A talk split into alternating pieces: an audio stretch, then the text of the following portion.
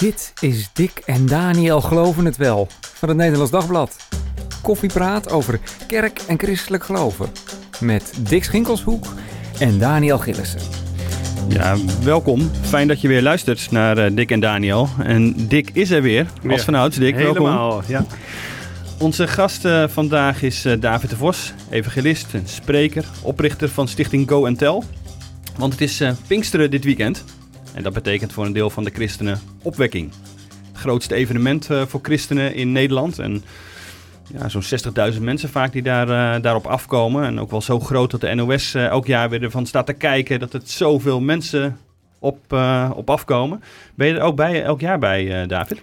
Ehm, ja, ik denk het wel. Als ik kijk naar de afgelopen jaren, ben ik Ja. elk jaar wel op een of andere manier bij betrokken. Ja. Maar klopt, net onderweg ook hier naartoe op de radio werd er al gewaarschuwd voor drukte. Kijk, dus het gaat gewoon eh, echt weer beginnen. Ja, het is echt zo. Ja. En ehm, benieuwd of het dit jaar trouwens ook weer lukt hè, met die, die 60.000 bezoekers. Want eh, corona, mensen moeten toch weer een beetje opstarten na een eh, aantal jaar van, nou ja, gedwongen rust. Ja, Eh, het Nederlands Dagblad is er trouwens ook bij, eh, Dick. Wij zijn er ook. Wij zijn er ook. Ja, we gaan een speciale opwekkingspodcast eh, maken met eh Gert-Jan Zegers. Die gaan we eh ondervragen over geloof en politiek. En ik ben heel erg benieuwd wat hij te zeggen heeft. Ik hoop dat we er een beetje een leuk persoonlijk gesprek met hem eh, van kunnen maken. Ja. Dus om eh 12 uur zaterdag eh, in de tent van het Nederlands Dagblad op het opwekkingterrein. Eh, hartelijk welkom om eh, mee te luisteren. Ja, want je kunt er live bij zijn. Dat is toch best wel bijzonder. Voor het eerst volgens mij heb je onze podcast. Ja, wij hebben nu, eh, het is het, een stuk of 56 gemaakt eh, hier in de studio maar van het Nederlands Dagblad. Maar niet eh, op, een, eh, op een open terrein met gasten. Dus dat wordt, eh, dat wordt leuk. leuk. Ehm, goed. David, jij speelt, eh, spreekt tijdens de eh, traditionele gebedsdienst. Hè? Een beetje genezingsdienst genoemd in de volksmond eh, meestal op zondagavond. Ja. Ehm, daar gaan we over spreken. Ook over wat die eh, twee jaar eh, coronatijd die we achter de rug hebben. En waar het ook heel eh, nou, niet mogelijk was vaak om, om live bijeenkomsten te houden. Ehm, eh, daar gaan we over spreken. Ehm, het thema is, is diep geraakt van opwekking deze keer. Wat was jouw laatste keer dat je diep geraakt was? Zo, dat is een mooie openingsvraag. Ehm, ik denk dat ik eerlijk moet zeggen, ik word regelmatig door dingen wel geraakt, diep geraakt. Ehm, sowieso probeer ik een diepzinnig leven te leiden. Dus dat betekent dat ik alles van, van binnenuit, vanuit mijn hart probeer te doen. Heel intens Ehm, bedoel je ook of zo? of Ja, ja, ja, ja, dus niet iets wat ik zomaar licht of zo. Dat ik denk van nou, we gaan even dit of we gaan even dat. Ehm, maar dat ik, ja, ik, ik probeer een dagelijks momentje geraakt te zijn. Nou, dat wil niet altijd lukken. Mm. Maar dat ik echt denk van eh, wow. Ja, ik denk dat dan moet ik toch wel terugdenken aan najaar eh, in november rondom onze Simply Jesus conferentie. Die ook een hoop Mhm. heeft losgemaakt Ja, ja. destijds. Ja, maar dat was een erg mooi moment. Want daar hebben we over hele mooie kwetsbare dingen gesproken. Over ehm, eh, zelfmoord, psychische problemen, mensen in nood. eh, en uiteindelijk ook het eh, leren liefhebben van jezelf. Wat een van de moeilijkste dingen is voor heel veel mensen. Ja. Dus dat ging echt ergens over en daardoor eh, raakte het jou, raakte het mensen die daar waren. Exact, ja, ja, En, eh, en, Ja. en maakte dat echt wat los. ja, precies. Ja. Ja. Ja, Want volgens mij heb je toen ook gezegd dat er een soort van taboe ook nog wel op rust. Hè? Op die problemen eh, Ja, enorm. christenen. Dat ja, dat- enorm. Ja. ja, het is een beetje, kijk, eh, voor, voor, voor, ik denk vooral ook voor de evangelische christenen van, joh, hè, God is toch je helper, dus hè, kom Ja. op, eh, zet je eroverheen, voel jezelf een beetje beter of proclameer de juiste bijbeltekst. Uh, maar dat is helaas niet zo makkelijk voor heel veel mensen. En dat alleen al toegeven kan een heel ding zijn. Ja. Maar ik denk dat dat belangrijk is, uh, want dat gesprek dat moet open zijn. Het is iets uh, wat er echt is en waar mensen echt hulp bij nodig hebben. En dus uh, het, het, subthema was eigenlijk een beetje: het is oké okay om niet oké okay te zijn. Hmm. Ja. Ja, en dat is natuurlijk al wat je al zegt. Het is voor mensen best uh, lastig om dat toe te geven. Om daar um, nou ja, het idee te hebben van niet omdat ik geloof is alles uh, voor elkaar. Ja. En dat is dus echt iets waar je zegt van daar wil ik ook heel nadrukkelijk bij stilstaan. Ja. Om dat te bespreken. Exact. Ja. Ja. Ja. ja. weet je, ik, ik geloof echt, Jezus kwam juist voor een gebroken wereld. En niet voor mensen die het allemaal op orde hebben, denken te hebben, want dat is vaak een buitenkant. En ik denk dat als je eerlijk kan zijn over, over nou, die gebroken delen, dat je ook eigenlijk eh, pas echt op een bepaalde manier heel kan zijn in het leven. En dat is de grootste uitdaging voor heel veel van ons. Ja. Hoe ben jij, want je bent evangelist, spreker. Hoe is dat zo gekomen? Ja, dat heeft eigenlijk met een allereerste aanraking te maken. Dus ehm, ik was mee met een zendingsreis van Jeugd met Opdracht. Ik was 11 jaar oud. En ehm, Zo, wij dat gingen is een naar... vroege roeping. Ja, wij gingen naar Hongarije. En eh, we hadden van tevoren een soort bijbelstudiepakketje mee... met dat je dan elke dag stille tijd leert houden. En uh, nou, dat, dat, trouw geprobeerd natuurlijk. Uh, maar onderweg in die bus hadden we dan ook stille tijd. Want we hadden Ja. overigens natuurlijk niet heel veel te doen. We hadden nog geen iPhones, we hadden nog geen Nee. tv. En Dus je moest van armoede stille tijd Ja, houden. je- dus Dat je- waren ja, nog tijden. maar binnen, weet Ja. je. En ik weet nog goed dat degene die voorging echt zei van ja, God is in deze bus. En ik zat achterin en ik denk ja, maar dat past toch helemaal niet, weet je. Hoe kom, kom je daarbij? En eh, eigenlijk die redenatie veranderde naar een soort besef van wow, dat, volgens mij is het waar. En ik weet nog goed dat ik begon te huilen en dat ik dat echt merkte. En In, in die bus. in die bus, Mhm. ja. En, en die weken daarna begon voor mij eigenlijk het geloof voor het eerste leven. Van, hey, stel je nou voor dat het waar is, wat we geloven met elkaar. Dat er een God is die van ons houdt, die een plan heeft met je leven. En dat heeft me zo geraakt dat ik eigenlijk daar heb gezegd van nou, als God er wat aan heeft, eh, dan, dan, dan geef ik mijn leven hiervoor. En nou ja, zo is van het een het ander gekomen. Eigenlijk vrij jong ook eh, al gaan spreken. 15, 16 was ik, dus eh, dat doe ik ook al een hele tijd.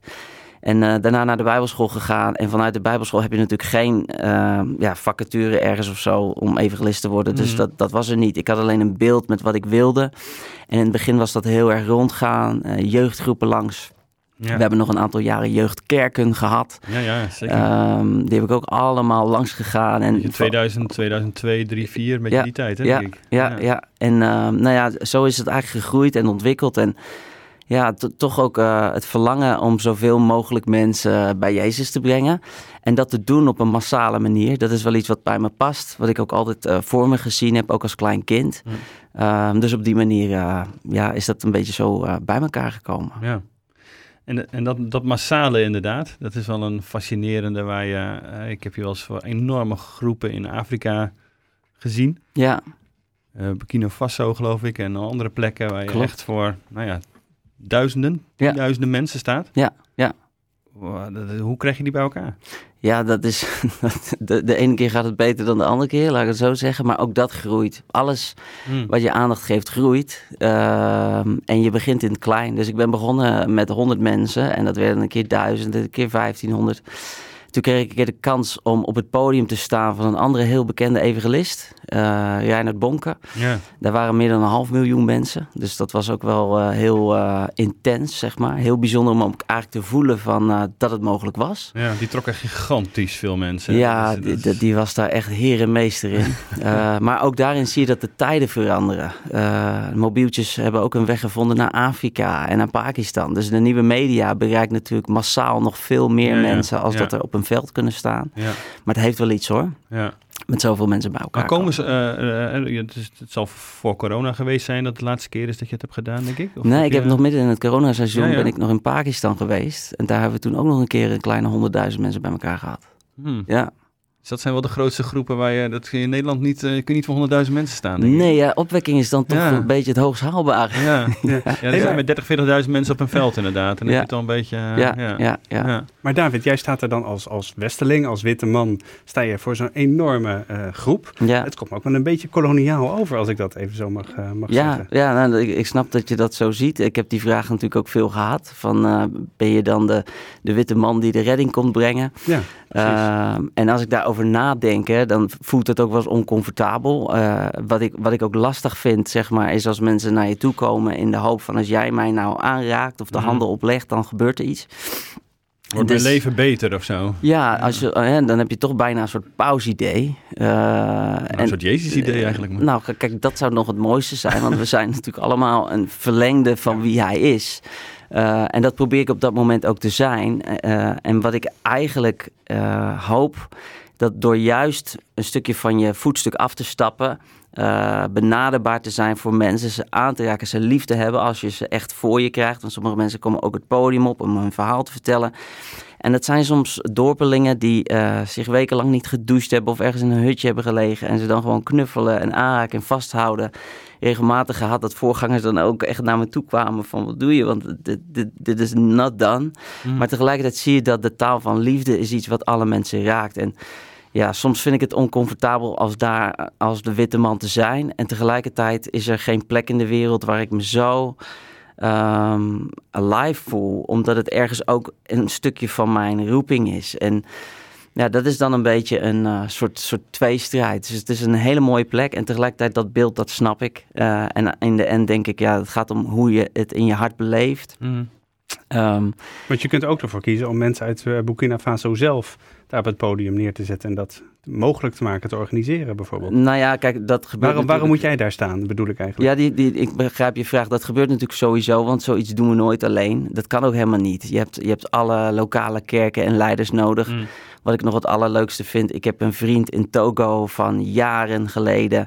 Um, en die is op een gegeven moment gewoon gaan doen wat wij ook doen. Dus die is met een podiumpje de bush ingetrokken. En, en uh, nou ja, die hebben we toen ook nog wat geld gestuurd.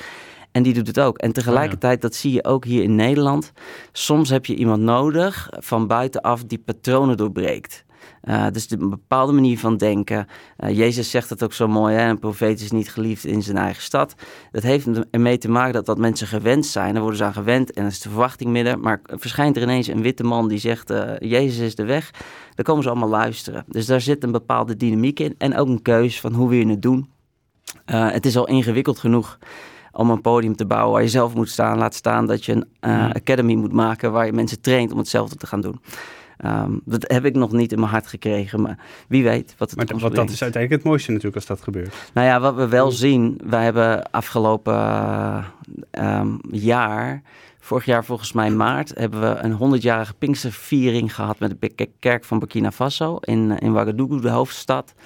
En daar heb ik uiteindelijk een aantal honderd voorgangers gehad. Uh, ik weet niet, misschien waren het wel duizend of iets meer.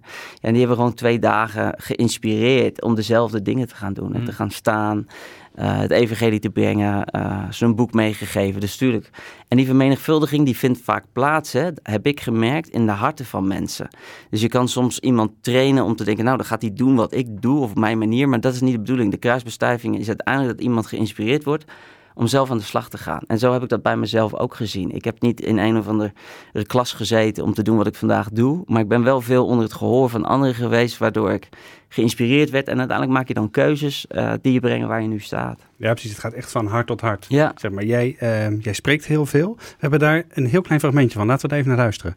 Ik hoop dat je er zin in hebt. Ik zou bijna zeggen, doe je gordel om, want we gaan lekker vliegen. Vandaag wil ik met je spreken. Eigenlijk een soort good old-fashioned word about faith. Uh, spreken met je over geloof. De Bijbel zegt, zonder geloof is het onmogelijk... Ja, doe je gordel vast, want we gaan vliegen. Ik heb je dat al een paar keer horen zeggen. Oh, is dat een soort, is dat een favoriet beginzinnetje van je? Ja, of? dat is een beetje een ijsbreker. Mensen even wakker maken, meenemen. zeggen van, joh, uh, ik heb een vriend die zegt altijd tegen mij... als iets heel groot of heel mooi wordt, zegt hij tegen mij, grijp de leuning. En dat betekent van, weet hou, je wel, hou je vast, vast ja, want, ja, uh, ja, want er komt iets moois aan. Ja.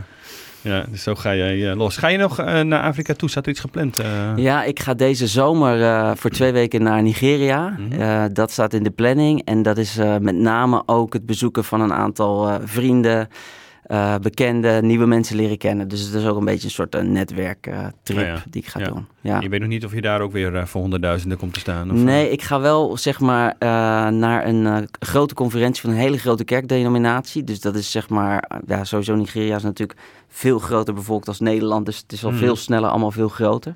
Ja. dus daar zullen ook weer duizenden mensen zijn. Maar wat mijn rol daar precies is, dat heb ik nog niet helemaal heel veel helder nee, beeld op. Maar dat is ook weer dus in samenspraak met, met de kerken daar. En ja. met uh, voorgangers daar ja, waar je naartoe gaat. Ja, ja. ja. Hey, hoe ben jij uh, de, die hele coronatijd doorgekomen? Je bent een enorme reiziger. Je bent iemand die graag spreekt voor grote groepen. Ja. Uh, dat kon helemaal niet in de afgelopen nee, twee jaar. Nee, zeker niet. Ja. Nee, dat was uh, even wennen. even op zijn zachts gezegd. Om het maar even heel rustig te ja, zeggen. In het begin vond ik het nog heel leuk. Toen dacht ik, nou, ik ga lekker thuis gymmen en zo. En Ja, dan elastieken een paar bij de weken dacht je action halen. Van, we gaan ervoor, weet je. Maar op een gegeven moment gaat het natuurlijk ook wel een beetje... Ja, komt alles een beetje op je af. Um, en ik moet zeggen dat wij waren al de weg ingeslagen van media. Dus we hebben ook een podcastkanaal en met video en zo uh, waren we best oké. Okay. Dus daarin hebben we ook wat livestream events kunnen doen die op zich uh, prima liepen in die periode. Dus we hebben wel onze weg gevonden. En zodra als het eigenlijk kon, was ik ook wel weer op stap. Dus eh, ik ben toch nog eh, naar Afrika gevlogen, Pakistan gevlogen. Ehm, en ik heb ook gewoon veel tijd gehad om eh, lekker aan mezelf te werken, eh, veel na te denken over dingen. Ehm, dus het, ja, het is pittig geweest, ook voor mij. Dat zal ik zeker niet ontkennen. Maar het is ook wel op een bepaalde manier weer mooi geweest. Want het reset, het laat je weer even nadenken. En ondanks het feit dat het nu lijkt dat we er allemaal weer uit zijn, ben ik ook wel een beetje bang voor wat Mhm. er allemaal nog staat te komen. Ja, Uh, dat, het eh, is gewoon een eh, heel rare, onzekere tijd. Ja, ja. Ja. Wat ik eh, trouwens heel heftig vond, was wat je allemaal over je heen kreeg toen, de, eh, toen je zei dat je voor jullie grote conferentie in november, eh, was dat, een, een QR-code moest hebben. Ja, ja. En eh, nou, ik vond dat best shocking wat jij toen eh, te verduren hebt gekregen. Hoe heb je Ja. dat, eh, bedoel, Ja. kun je er iets over zeggen hoe je dat beleefd hebt? Ja, zeker. Ja, tuurlijk. Kijk, ehm, laat ik zo zeggen, achteraf gezien, hè, denk ik dat ik te lang stil ben geweest. Want ik vond eigenlijk al die tijd al van jongens, je kan er van alles achter zoeken of vinden. En dat werd natuurlijk ook geroepen. Achter, achter corona. En, achter corona, ja. achter de QR-codes. en dan ga je helemaal terug naar, wat was het ook alweer? De streepjescode van de Albert Heijn was Ja. geloof ik ook de teken van het beest, weet je wel. Ik bedoel, die, als je goed kijkt naar de geschiedenis, dan zie je dat bepaalde dingen zich herhalen. Nou, als er dus een, een, een, een pandemie in dit geval komt, dan zijn mensen onzeker, angstig en dan gaan ze luisteren naar stemmen die roepen dat ze het zeker weten. Nou, die waren volop aanwezig, maar de stemmen die daar weer ja, wat meer genuanceerd of gebalanceerd in waren, die bleven eigenlijk een beetje achter. Uh, mede omdat hij ook niet eigenlijk die discussie wilde opleiden. Als ik naar mezelf kijk. Ik dacht, Mm, ja, laat iedereen even zitten kiezen dan, wat hij eh, wil. ja, ja, ja. Weet je, ik vind het ook gewoon uh, belangrijk dat mensen daar vrij in zijn. En het, het leuke is in mijn geval, ik heb vrienden die zijn helemaal anti-vaccinatie. En ik heb vrienden die zijn super pro-vaccinatie. En daar kun je gewoon vrienden mee blijven, Mm. zolang je elkaar maar ruimte geeft om te vinden wat iemand vindt. Maar ga je op een pad waarin je eigenlijk iemand in een hoek duwt en zegt, nou ja, als je dat doet, dan ben je niet meer gered. Of dan ben je niet meer dit. Ja. Ja, daar krijg ik jeuk van. Want dan denk ik, weet je, mijn Bijbel zegt gewoon uh, dat er niets is in de hele schepping scheppingen. En vaccineren is gewoon iets wat gemaakt is, ook door mensen. Uh, weliswaar misschien met de wijsheid ook van God. Uh, dat kan Mhm. mij niet scheiden van zijn liefde. Ja. Punt. Weet je? En ja. Wat, wat heb je zelf gedaan dan? Ben je zelf gevaccineerd? Mag ik vragen? Ik ben gevaccineerd en geboosterd. Absoluut. ja. Ja. En dat heb ik ook geen enkel probleem mee. Ja. Omdat, weet je, ik heb mezelf helemaal volgespoten om over de wereld te reizen. Ja, precies. anders Moest je kom ook je al van alles niet. hebben. Nee, ja, ik, kan, ik kan nu niet eens eens op reis naar sommige plekken als ik niet gevaccineerd ben. Nee. Dus je kan zeggen van ja, hè, ben ik gevaccineerd omdat ik bang was? Uh, nee, maar ik ben gevaccineerd omdat ik denk van nou ja, als het helpt, uh, dan gaan we het doen. En ik ben ook niet bang dat er wat in mijn lijf gespoten wordt waarvan ik achteraf denk, oh jee, help nu. Weet je, mijn vertrouwen is daarin, uh, Nee. daarin ook in God. Met en zonder. Dus ik, ben daar, ik zit daar eigenlijk Mhm. vrij ontspannen in persoonlijk. Hè? Ja. Dus, Ja. Maar, maar dat, zo zat niet iedereen erin, zullen, nee, we, zeker zullen maar nee, zeggen. Nee, en dat vind ik Eh, ook oké. hè? Daar heb ik ja. heel veel respect voor. eh, maar vond je het ook oké toen nou, het heel persoonlijk en heel naar en heel erg op de, op de man was? Nee, natuurlijk niet. Nee, dat was gewoon pijnlijk. En, uh, en ik moet je ook eerlijk zeggen, we hebben ook mensen gehad in onze achterban die ons uh, hebben laten vallen. ja, Of precies. heel geen steun meer krijgt. Ja. Precies, van nou, die de Vos is nu echt op het dwaalspoor. Mhm. Maar dat komt vaak door andere hevige stemmen waar ze dan in geloven. En de grap is dat nu het eigenlijk uh, de piek er een beetje af is. Ik ook alweer heel veel reacties heb gehad van mensen dat ze zeiden... oeh, het was wel heel fel en sorry. En uh, nou ja, Oh, ja. dat was ook weer niet de bedoeling. Uh, dat snap je toch wel. Kijk, en dan is het natuurlijk gewoon een uitdaging om je eigen hart te bewaren. En uh, de, ik kijk er zo naar van, joh, uh, dat zijn emoties. Mensen voelen zich buitengesloten, mensen Ja. voelen zich gedwongen. Mm. Uh, en wat ga je dan doen? Ja, dan, dan, dan heb je het nodig om dat naar iemand toe te uiten. Ja, in dit geval is dat naar mij geweest.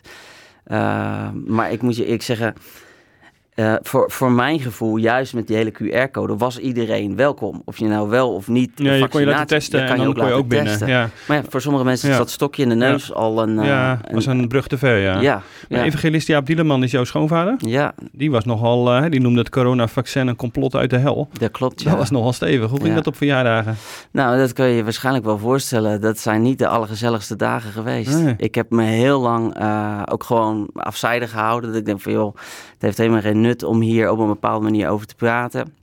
Maar er zijn ook momenten geweest dat ik echt wel op moest staan en mijn grens aan moest geven. En zei, joh, ja, ik zeg, dat is prima dat je dat Ja. allemaal zo denkt. eh, maar daar denk ik toch echt anders over. Ja. Dus eh, nou, dat hebben we elkaar laten weten en dat is ook oké. Ja. Maar ik moet je eerlijk zeggen... hè, eh, We zijn nog wel in speaking terms. Ja, ja, zeker. Ja, ja, we zijn zeker aan speaking terms. Alleen wat ik vanaf de zijkant zie, dat ik, dan denk ik, weet je, thema's worden op een gegeven moment belangrijker dan de oorspronkelijke kern Mhm. van waar je voor staat. Eh, en dat vind ik jammer. Ja. Denk ik, jongen, weet je, wat is dan, wat is dan roeping? Wat is dan waar je voor staat? Ehm, en ik denk dat het een, een, een verleiding is voor iedereen, hè, om in een bepaald iets weer op te gaan of mee te gaan. En, en, en waar, kijk, hij zal zeggen dat hij eh, trouw is aan zijn eigen hart en overtuiging. Prima, dat is hartstikke goed. Alleen waar ik wat zorg over heb, is eh, er zijn mensen die zijn kwetsbaar, onzeker, die weten het niet. Ehm, ja, en die gaan met zo'n mening aan de haal. En nou, je, je ziet eigenlijk wat er van komt. Ja. Wat, eh, wat ga je komen? Stel, komend najaar krijgen we weer een Ja. enorme golf. En God verhoede het. Ja, amen. Eh, eh, wat, wat, wat, wat ga je dan anders doen? Wat heb je dan geleerd van de. En bedoel, want met die golf krijg je natuurlijk de hele polarisatie en het hele gedoe. Je kunt het allemaal uittekenen. Ja, nou de grap is eigenlijk dat juist door het te doen hè, en ook te blijven staan. Want er zijn heel veel organisaties geweest die zeiden van wij gaan het doen. En die hebben toch weer uiteindelijk zich teruggetrokken vanwege die Mhm. enorme discussies. Ehm, dat is uiteindelijk ook wel weer omgeslagen in respect. Dus ik heb ook ontzettend veel steunreacties gehad eh, van heel veel leiders en voorgangers. Die zeiden ook van ja, wij waren eigenlijk te bang om te leiden of om te zeggen wat we echt dachten. Ehm, dus door dat te doen, ja, kijk, weet je, nu zal niemand meer verrast zijn als ik zeg: eh, we doen het zo zoals het nu kan in deze periode. En het alternatief is niks doen, eh, blijven zitten. ehm, en tegelijkertijd, ja, ik, ehm, ik weet het niet. Ik ben meestal ook wel in het moment dat ik mijn keuzes maak of me laat leiden. En voor nu eh, ervaar ik heel erg van: het is goed om het te doen. en we gaan gewoon door. Dus het is, ja. Pittig geweest, maar het Mhm. heeft wel degelijk eh, ook een ontzettende. Want als ik kijk naar de reacties, ehm, dan heb ik nog nooit zoveel mooie reacties gehad op mijn boodschap als van dat weekend. Hm. Dus het heeft ook mensen hadden het nodig. Ja, blijkbaar. Ja, Ja. En ja, jullie bespreken nu ook heel duidelijk uit. Dat is ook iets waarvan je zegt, eh, je, ben- je kon er al mee van, misschien hebben evangelische leiders dat ook en ikzelf, dat te weinig ook duidelijk gemaakt van waar we staan. ja Eh, dat is wat je er ook wel van leert dan met terugwerkende kracht. Als er zoiets Ja, gebeurt. nou moet ik je wel eerlijk zeggen hè, dat ik niet zelf de behoefte heb om met een camera en een microfoon te gaan zitten om mijn persoonlijke politieke mening te nee, nee, delen. nee. Want dat is helemaal mijn roeping niet. Eh, maar wat, ik, wat wel mijn roeping is, is, is eigenlijk mensen gewoon weer te op van... hé, hey, waar gaat het nou echt om? Ja. Ehm, hè, waar is je focus eh, belangrijk? Eh, en ik denk dat we dat wel een beetje zijn kwijtgeraakt. En ja, of ik dan die moraalridder moet zijn... die dat eens in de zoveel tijd in een podcast of in een videootje moet doen... ik, ik weet het niet. En misschien heb ik me ook wel ja, een beetje stilgehouden. Ook juist uit respect hè, voor mijn schoonvader. En Mm. ik denk, ja, als ik aan publiek met een gestrekt been tegen hem inga... dat is ook niet zo heel aardig. We hebben, we hebben in, de, in de krant, hè, het Algemeen Dagblad... eh, lijnrecht tegenover elkaar Ja, gestaan. En eh, de journalist destijds, die wist ook van onze relatie. Eh, en die heeft het er echt gewoon ook uitgehouden. Nou, dat vind ik super lief van hem. Want dat Mm. had natuurlijk nog veel heftiger kunnen escaleren. Ja. Ja. Nou, ik hoop allemaal dat het niet nodig is. Nee, eh, toch? precies. Ja, Nee. ja. We gaan eh, naar opwekking, naar de gebedsdienst daar, de gebeds- en genezingsdienst, eh, die eh, komende zondagavond weer eh, wordt gehouden, zoals eigenlijk eh, elk, eh, elk jaar, elke opwekking, eh, die nu weer dus eh, inderdaad in, in Biddinghuizen plaats, eh, plaatsvindt. Ehm, wat, wat ga je doen? Hoe heb je je daarop voorbereid op deze dienst? Nou ja, het is echt een ehm, groot voorrecht om daar te mogen staan. Eh, dat, dat realiseer ik me heel goed. Wat voor, de, voor de hoeveelste keer doe je dat nu daar? Die ehm, de, de genezingsdienst. Ja? Nou, dit wordt de derde keer. Derde Alleen keer. de afgelopen twee keren waren Ja. natuurlijk eh, Online, via de livestream. Ja. Ehm, dus dit, dit wordt mijn eerste keer op het grote podium. Maar daaronder zitten wel al, nou, ik denk een jaar of acht, misschien nog wel langer, dat ik eigenlijk de, de, de gebedsdienst bij de tieners deed. Ja. Ehm, en eh, ja, die waren altijd heel erg bijzonder. Ehm, misschien ook wel omdat tieners niet zo ontzettend diep nadenken voordat ze wat doen. dus weet je, als we dan gingen bidden, eh, nou, dan, dan gingen ze ervoor. Ik liet ze ook altijd samen in groepjes bidden voor elkaar, zodat het niet ja, de grote witte man op het podium was. Daar heb je hem Eh, ja. maar gewoon onder hun. En gezegd van, joh, weet je, het woord van God is beschikbaar voor jullie allemaal. Jullie mogen voor elkaar bidden. En dan zagen we de mooiste dingen en hun met hun eigen ogen. En vervolgens getuigden ze daarover op het podium. En ehm, ja, ik heb hetzelfde eh, op mijn hart als ik naar aanstaand weekend kijk. eh, dat we het met elkaar gaan doen. Dat we met elkaar voor elkaar gaan bidden. Dat we mensen die ziek zijn en lijden bij Jezus mogen brengen. Ehm, en waar ik echt bij stil ga staan is eh, dat ziek zijn niet een gevolg is van allemaal foute keuzes die je hebt gemaakt. Omdat er zijn mensen die dat helaas nog steeds heel erg geloven. Maar ik geloof dat we daar hè, door God heel duidelijk over zijn aangesproken in het boek van Job. Van joh, het gaat helemaal niet om waar, waar, waar, zit de, waar zit de breuk nou. Maar het gaat meer om van kun je midden in je ellende ook gewoon vertrouwen. Dat God ook alles in zijn hand heeft. Dus Mm. ik, ehm, ik heb nog een leuke ijsbreker om de dienst te openen.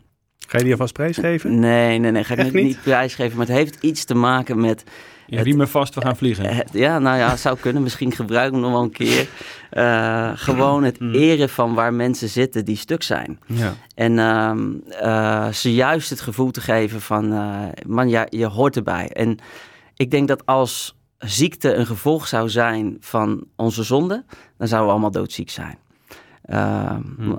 en, en, en daar moeten we gewoon eerlijk over zijn. Eh, ook ik. En dan is de vraag niet zozeer van hoe kan het nu dat ik hier geworden ben, maar de vraag is veel meer, oké, hè, je bent ziek en dat is lijden, dat is vervelend. In sommige gevallen natuurlijk al een heel ver stadium.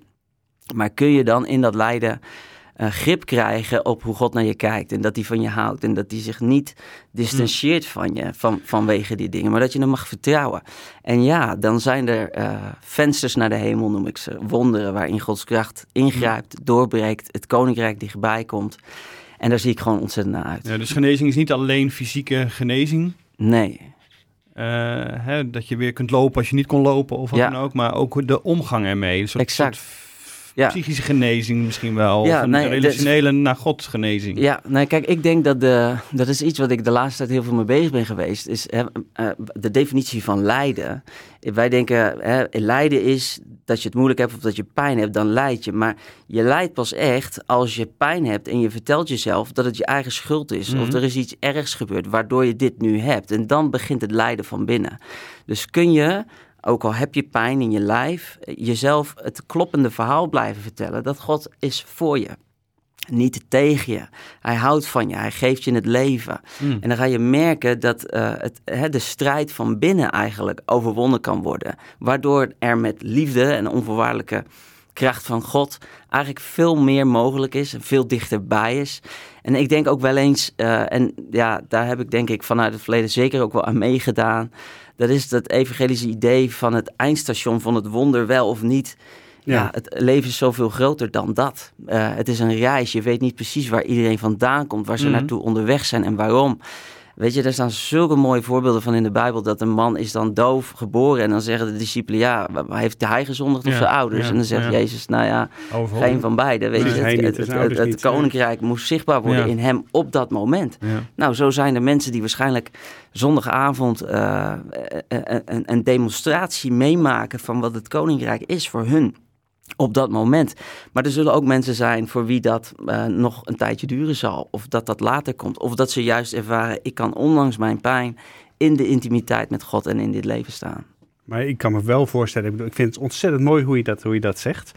Dat heel veel mensen ook denken, ja, maar alles goed en wel. Maar ik heb nu wel die pijn. Klopt. En eh, er wordt me genezing eh, beloofd misschien wel. Er wordt me genezing aangeboden, aangezegd.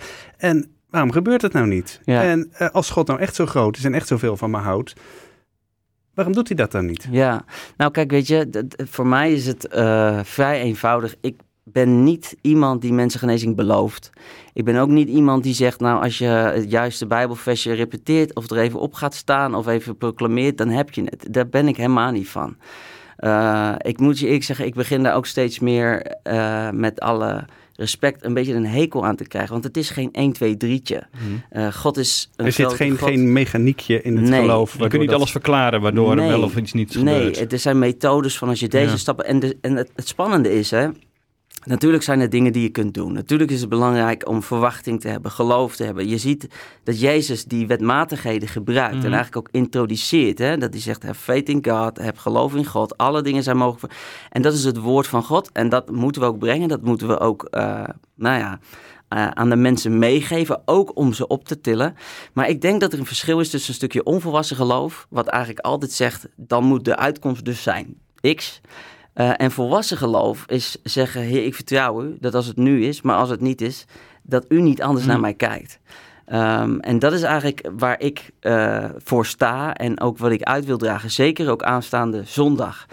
Ehm, maar ik begrijp eh, je vraag heel goed. Ehm, dus ik zal zeker niet zeggen, we beloven dat dit nu gaat gebeuren. Maar wat we wel zeggen, is we gaan doen wat Jezus zei dat we moesten doen. We gaan voor elkaar bidden, we gaan elkaar de handen opleggen en we strekken ons uit naar God. En dan zeg ik altijd, zeker zoals ik dat ook in Afrika heb gedaan, eh, daarna verschuil ik me achter de grote schouders van Jezus. En dan zeg ik, ik heb het niet gezegd, maar we hebben zijn woord en die beloftes nemen we en daar gaan we mee aan de slag. En dan zien we wel wat er gebeurt. Exact. Ja. Ja. We gaan even luisteren naar eh, je collega Martin Kornstra, die eh, bij opwekking eh, van 2020 eh, sprak. Ik weet nog aan één iets waar ik dacht, een, man wiens rechtervoet verkromd is. Ik weet niet eens of het door, dat het door gewoon verdraaid is of echt verkromd. Je bent in eind, eind 20, begin 30. En waarom doet God soms zo specifiek? Juist om je te laten voelen dat het om jou gaat. Dat hij je ongelooflijk lief heeft. Wordt aangeraakt. Voetherstel je. En al die mensen die last hebben van hun voeten en knieën daar in de naam van Jezus wordt hersteld. Je hebt het idee dat God gewoon heel veel mensen tegelijk wil genezen. Maar ook in het bijzonder die ene. Wordt hersteld. In Jezus' naam. Dank u Heer voor wat u aan het doen bent. Ja, ik, ehm, ik zeg echt aan me op wat jij net allemaal zei. Maar hier krijg ik dan weer een beetje de kriebels van. Doet me zelfs denken aan een soort paranormaal eh, geklets wat je op RTL 5 eh, tegen kan komen. Ja. Dat je denkt, er wordt een soort op afstand, wordt er iets, iemand voelt iets en er gaat iets gebeuren en zo. Ja. Hoe, hoe, hoe luister jij hiernaar? Ja, kijk, weet je, dit is, eh, dit is Martin. Ik ken Martin eh, en dit past heel erg bij hem. Ehm, dus eigenlijk zou die vraag nog veel meer op zijn plek zijn bij Martin zelf. Eh, Mhm. maar ik ken het. Ik ken het ook vanuit. Ja, het gaat niet alleen om Martin, het komt vaker, ja. precies, Ja, komt klopt, vaker van- voor, zeg maar, juist als het om gebedsgenezing gaat. Dat gaat dan eigenlijk met name om als je kijkt naar de geestesgaven, dan heb je natuurlijk de gave van geloof. Wat ik persoonlijk echt ook hoop dat die volop aanwezig is zondag. Want je hebt geloof nodig om je ergens overheen te tillen. Mhm. Eh, maar je hebt ook gaven van genezing en dan heb je gaven van woorden van kennis. En zoiets als dit kan dit zijn. Dus iemand eh, die kan er zitten. eh, hij krijgt het idee, God die ziet mij niet. En Martin noemt dat dan vanaf het podium. En dat kan net die doorbraak zijn waardoor iemand Mhm. toch dat geloof ervaart. Van, oh, ik ga toch kijken of mijn voet die verkrampt is, eh, het weer doet. Ehm, en dan zit ik aan de eh, zachte, vertrouwende kant dat het echt ook Mm. allemaal klopt. En Mm. nou, de kant waar jij in zit, van, joh, krijgt een beetje kriebels van. Ja, die snap ik ook. Die is er ook. Kijk, als je voor een zaal met 20.000 mensen staat en je zegt iemand heeft last aan zijn linkeroor, ja, tuurlijk zit hij ertussen. Nou ja, precies, dat dacht ik natuurlijk ook. Ja, toch? Nou, dat, dat is een beetje, zeg maar. En Ja. dat, dat, dat zorgt dan eh, voor, een, eh, voor de wat even misschien sceptische of kritische luisteraar. Of misschien in sommige gevallen gewoon de, de, de gereformeerde luisteraar. Ja, Die denkt van, ja. oh, eh, wat gebeurt hier? Eh, die oh, juist dit soort dingen kunnen dan net even de, de trigger zijn dat je denkt, eh, maar ja, Wow, überhaupt die hele gebedsdienst is misschien niet echt iets voor mij. Terwijl dat niet zo hoeft te zijn eigenlijk. Nee. Hè? Als ik jou zo Nee. praten, denk ik, ja, we, eh, Nee, ik, ik, ik kijk, en, en dan ga je eigenlijk ook wel weer zoeken naar. Ehm, kijk, dat is weer de methode, dat is de how-to. mm, En als alles bijdraagt aan het welzijn van de individu, eh, dan vind ik het prima. Dan vind ik het mooi. Maar ga je inderdaad naar huis en je denkt, jemig, eh, nou die David, eh, wat een mooie man van God en geloof. En, en, en ik heb het allemaal gedaan. Dan hebben we een beetje de bus gemist. Maar als je naar huis gaat en je denkt, wow, ik heb God ervaren dichtbij. Ik heb gezien dat het ook bij mij kan. En ik ben misschien nog, nog wel ziek, maar ik weet nu dat eh, Mhm. zo. Eh, en een ander die zegt, nou, ik heb echt die doorbraak hier ervaren. Ja, dat, dat persoonlijk vind ik dat heel erg mooi. ja. Ehm, en ja, geestengaven zijn eh, fantastisch, maar ze moeten eraan aan het grote geheel bijdragen, voor mijn gevoel. Ja. Dus het, hè, de, die, die, die atmosfeer moet eigenlijk opgetild worden. En soms kan dat helpen. Maar wat, hoe, hoe reageer je op mensen die zeggen, ja, maar het is toch ook voor een heel bela- belangrijk deel psychologie. Het is Ja. druk, het is groeps, Klopt. groepsdynamiek. Ja. Het is misschien zelfs wel een vorm van, eh, van manipulatie wat, er, wat er gebeurt. En weet je eigenlijk wel wat er gebeurt op het moment dat die hele dienst voorbij is. Ja. Ja.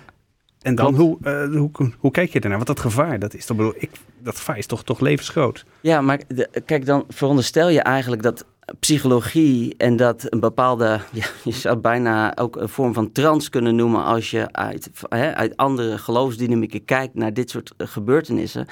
Heel zwart-wit, dat dat ook maar ook fout is. God heeft ook de mindset gemaakt. God heeft het vermogen gemaakt om je in te beelden wat er nu nog niet is. God heeft het gemaakt dat als je met elkaar bent in een samenkomst en je hebt allemaal één gedachte, dat dat iets met een hele groep mensen doet. Ja, je zegt psychologie is, is eigenlijk is gewoon niet zo erg. Dus Nee, dat moet je onderdeel niet van tegenover het Het proces wat God het hoort er inzet, ook bij. Ja. Ik, laat, ik zal je vertellen, als, als ik daar zondagavond sta... en omdat we daar met elkaar zijn en we zingen... en er zijn bijvoorbeeld een aantal mensen die puur vanuit de mindset zeggen van... ja, eerst voelde ik me echt een super slachtoffer, maar man, weet je wel, de knop gaat om. Ik had pijntjes eh, in mijn rug of in mijn teen en ik ben nu gezond. En die komen en die zeggen, halleluja, God heeft mij genezen. Maar het was niet meer dan een, ja, een, een keuze voor hun op dat moment... om in hun verstand hè, van het een naar het Mhm. ander te gaan. Dan zeg ik, nou, God heeft ook je verstand gemaakt. Dus ik zou zeggen, dankjewel. En wij zitten dan heel erg aan van ja, het moet wel puur of cijfer zijn, dus het moet wel van God zijn. Maar hoe kunnen wij dat testen? Hoe weten we dat? Dat is een soort, dat is een, dat is een veld waar wij niet in kunnen. Nee, eh, daar kom je niet bij. Dat, Exact. dat, dat begrijp ik. Maar dan zit je nog steeds met het hele idee dat als dat moment voorbij is, die dienst is voorbij, en je bent weer thuis of je bent bij opwekking weer in je tent, Ja. en dan? Ja, maar, dan, ja, maar eh, het en dan veronderstelt dat wat er dan is geweest, dat het fake was. Maar Nou ja, als het psychologie was, is de kans groot dat het op dat moment tijdens die samenkomst heel echt was en daarna niet meer. Ja, maar kijk, dan, ik, ik- als je het hebt over psychologie en over dus zeg maar mindset. Ik heb daar ook heel veel in eh, onderzocht. En dat is wel grappig, want het is met name de laatste weken en maanden. Ik vind het ook een hele mooie wereld. De reden dat mensen veranderen, zeg maar, in dit soort samenkomsten of evenementen, is omdat ze in de piekstaat van een emotie zijn. Ja. En dan gebeurt er wat Mhm. en dat vergeet je nooit meer. Ehm, bijv- bijvoorbeeld 9-11, als ik aan jou vraag, waar was je tijdens dat die vliegtuig, dat weet je. Station Utrecht Centraal. There Ja. you go. Je was in de piekstaat van je emotie toen je dat binnenkreeg. Dus dat verankert in je, in je denken. Datzelfde gebeurt in zulke samenkomsten. We zingen met elkaar. We ervaren Gods tegenwoordigheid. Er wordt voor je gebeden. Dat zijn levensveranderende momenten. Niet alleen maar omdat God er is, maar ook gewoon zoals God ons gemaakt heeft. Dus, Ja, dus, dus, als je die setting creëert en daar gebruik van maakt, zal ik maar even zeggen, dat is, dat is helemaal niet gek, niet slecht. Het is niet nou, dat je het verkeerd doet, maar je maakt ik- gebruik van de mogelijkheden die God ook biedt. Exact. Ik zal je heel eerlijk zeggen, heel lang dacht ik ook van ja, psychologie, mindset, manipulatie. Oh nee, het moet allemaal zuiver, het moet super. En nu denk ik, ja, maar wat als God deze dingen ook gemaakt heeft en we gewoon erkennen, ja, die zijn er ook. Ja, er zijn ook mensen die in een enthousiasme worden aangeraakt, in het moment worden opgetild. Ja, prachtig, eh, super. Eh, en als het helpt, mooi. En tegelijkertijd dat we daardoorheen echt de soevereiniteit van God zien werken. Want ik was van de week op de koffie bij Kees Goethart. eh, Mhm. degene een, die dit ja, Op, jaren eigenlijk de genezingsdienst altijd gedaan precies. heeft. Om met hem ook door te spreken van hè, wat ik ging doen en hoe ik het wilde doen. En toen zei hij ook tegen mij, hij zei, ja, een van de mooiste wonderen, zegt hij, die ik heb beleefd tijdens de opwekkingsconferentie, zegt hij, was eh, een meisje dat, dat een hazenlip had, wat compleet verdween, wat gewoon een gaaf gezicht kreeg. En die had twee broertjes, die hadden ook een hazenlip, maar die werden niet gezond. Nou, leg het maar uit. Het is niet uit te leggen. En na afloop zeiden de ouders, nou ja, die kunnen altijd hun snor nog laten staan. Dus dat was dan zeg maar een soort van de troost. De schrale troost. Maar je, je kan het niet uitleggen. Eh, en toch zegt hij, dat was een moment, eh, nou, dat heeft niets met psychologie te maken. Dat kan niet. Je kan niet in je mindset ineens je huid recht trekken. Nee, nee. Dus daar is God. Eh, maar er zullen ook mensen zeggen, ja, ik had een kromme rug en het voelt eigenlijk een stuk beter, maar ik zit nu in mijn tent en ik denk, nou, was het nou adrenaline of was het de Heilige Geest?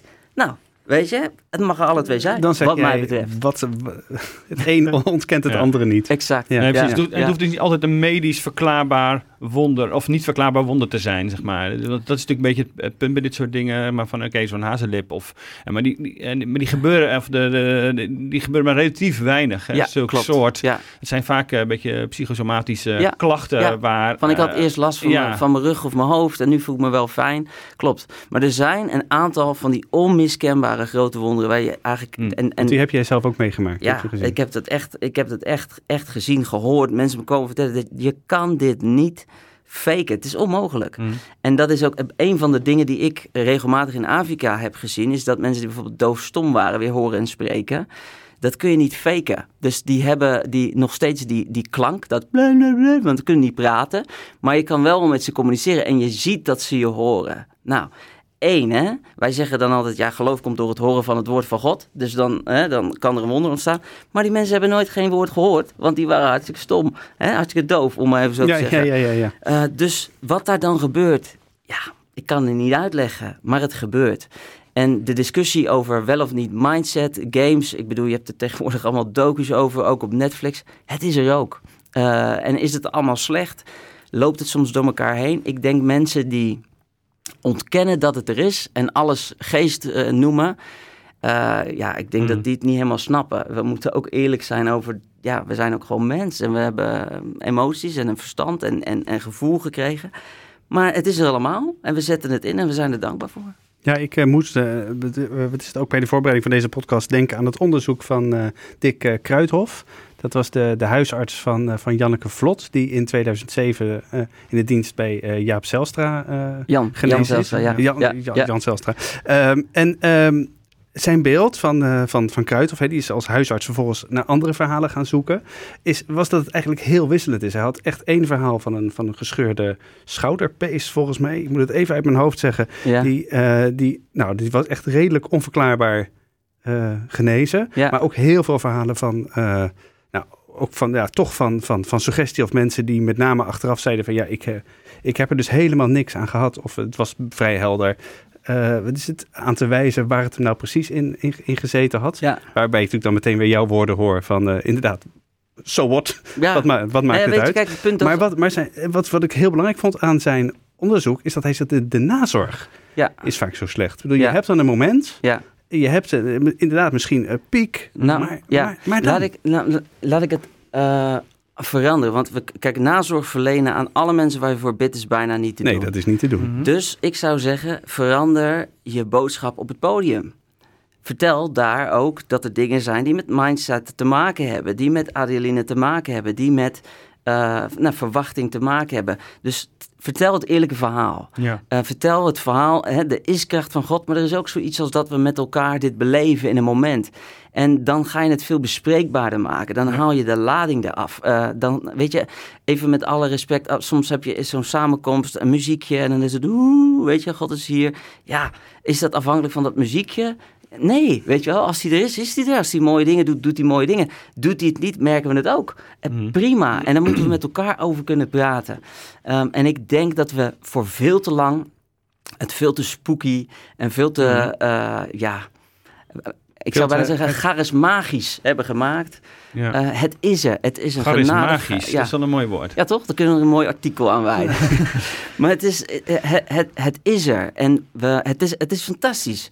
Maar het is ook kwetsbaar. En, en daarin zitten mensen met gevoel. Eh, nou, weet je, ik ken, eh, ik ken de Jan Zelstra persoonlijk ook erg goed. Mhm. Eh, Hij is ook- overleden hij is hè? inmiddels overleden. En weet je, er zijn heel veel mensen die ehm, ja, ook met hem mooie en minder mooie ervaringen hebben gehad. Maar wat ik in hem heel mooi vond, is hij stond er wel altijd. En hij bad voor iedereen, totdat de laatste de deur uitging. Dat duurde soms tot half twee s'nachts. Uh, vanuit bewogenheid. En ja, daar heb ik ook echt verhalen van mensen die zeiden: Ik ben genezen. Echt prachtige getuigenissen. Naar mensen die zeiden: Ja, maar het, het was een moment en daarna was het weg. En het is er alle twee. Maar dat je dus wel voorkomt, door eerlijk te zijn op het podium, dat als mensen thuiskomen en toch weer wat bemerken, dat ze niet bij zichzelf denken, oh shit, ik geloof niet voldoende Exact, en daarom is het niet dat. gebeurd. Want dat is natuurlijk een heel Juist. Kwetsbaar iets. En dat is precies wat ik eigenlijk ook mee begon. Wat is het verhaal Ja. wat jij jezelf vertelt? Uh, moet ik genoeg geloven? Moet ik Ja. genoeg proclameren? Heb ik het niet goed gedaan? Weet je, we zijn allemaal in die zin onvoldoende. Eh, en ook de grote man op het podium. Ik weet echt niet hoe het allemaal zit. Ik heb geen idee. Ik heb mijn fouten, ik heb mijn angsten. Ik sta daar en ik mag op dat moment een verlengstuk zijn om voor mensen te bidden. En dat wil ik doen vanuit liefde, vanuit mijn hart, vanuit bewogenheid. En that's it, weet je. Eh, Ja. meer kan ik ook niet doen. En het laatste wat ik wil, is dat mensen veroordeeld naar huis gaan. Of dat ze thuis zitten en denken, nou, pff, jemig. Ik ga ook nooit meer naar zo'n dienst. Wat kun je dan doen trouwens als je weer thuis zit en je hebt toch nog... Er gebeurt van alles natuurlijk met je in je hoofd en je gaat nadenken en je gaat dingen voelen. Wat kun je dan doen? Ik zou zeggen, ehm, let op het verhaal wat jij jezelf vertelt. Dus op het moment dat je hè, toch niet je wonden hebt beleefd, dan is er teleurstelling. Eh, uit die teleurstelling, wees er eerlijk over. Praten over met mensen, praten over met God. God is groot. Hij is echt niet bang voor jouw gebed of je teleurstelling of je vragen of je twijfels. Uit ze, eerlijk. En maak vervolgens vrede met jezelf door te zeggen: Oké, ik ga mezelf niet aanpraten dat het komt doordat ik nog dit, of doordat ik nog dat, of doordat ik nog zus, of doordat ik nog zo. Alhoewel ik wel zeg: hè, je moet er altijd voor openstaan, want soms moet je gewoon minder suiker eten of minder vet en meer Mm. sporten. En er zijn allerlei redenen waarom iemand ziek kan zijn.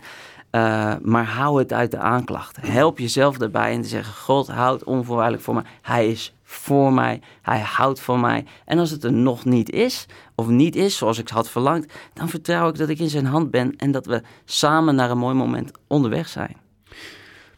Dank David voor dit gesprek, voor het open en eerlijke gesprek. Uh, wens je gewoon een gezegende gebedsdienst toe. Dankjewel. Zondag. Ja. Uh, het is Pinksteren. Heb jij nog een Pinkster uitsmijter voor ons? Iets wat je ons als luisteraar mee wil geven? Ja. Um, wat ik een hele mooie gedachte vind, is Pinksteren gaat om de Heilige Geest. En de Heilige Geest is de plaatsvervanger van Jezus. Uh, het is bijzonder om erover na te denken dat hij al zo lang onder ons is. Hè? Hij is God zelf. Hij is niet minder God dan Jezus als God de Vader. Dat hebben we soms het idee van, oh ja, hij is de derde, maar nee, hij is God. Mm. Um, en als je heilig genoeg zou kunnen zijn om de Heilige Geest te verdienen, dan zouden we hem allemaal mm. nooit kunnen ontvangen.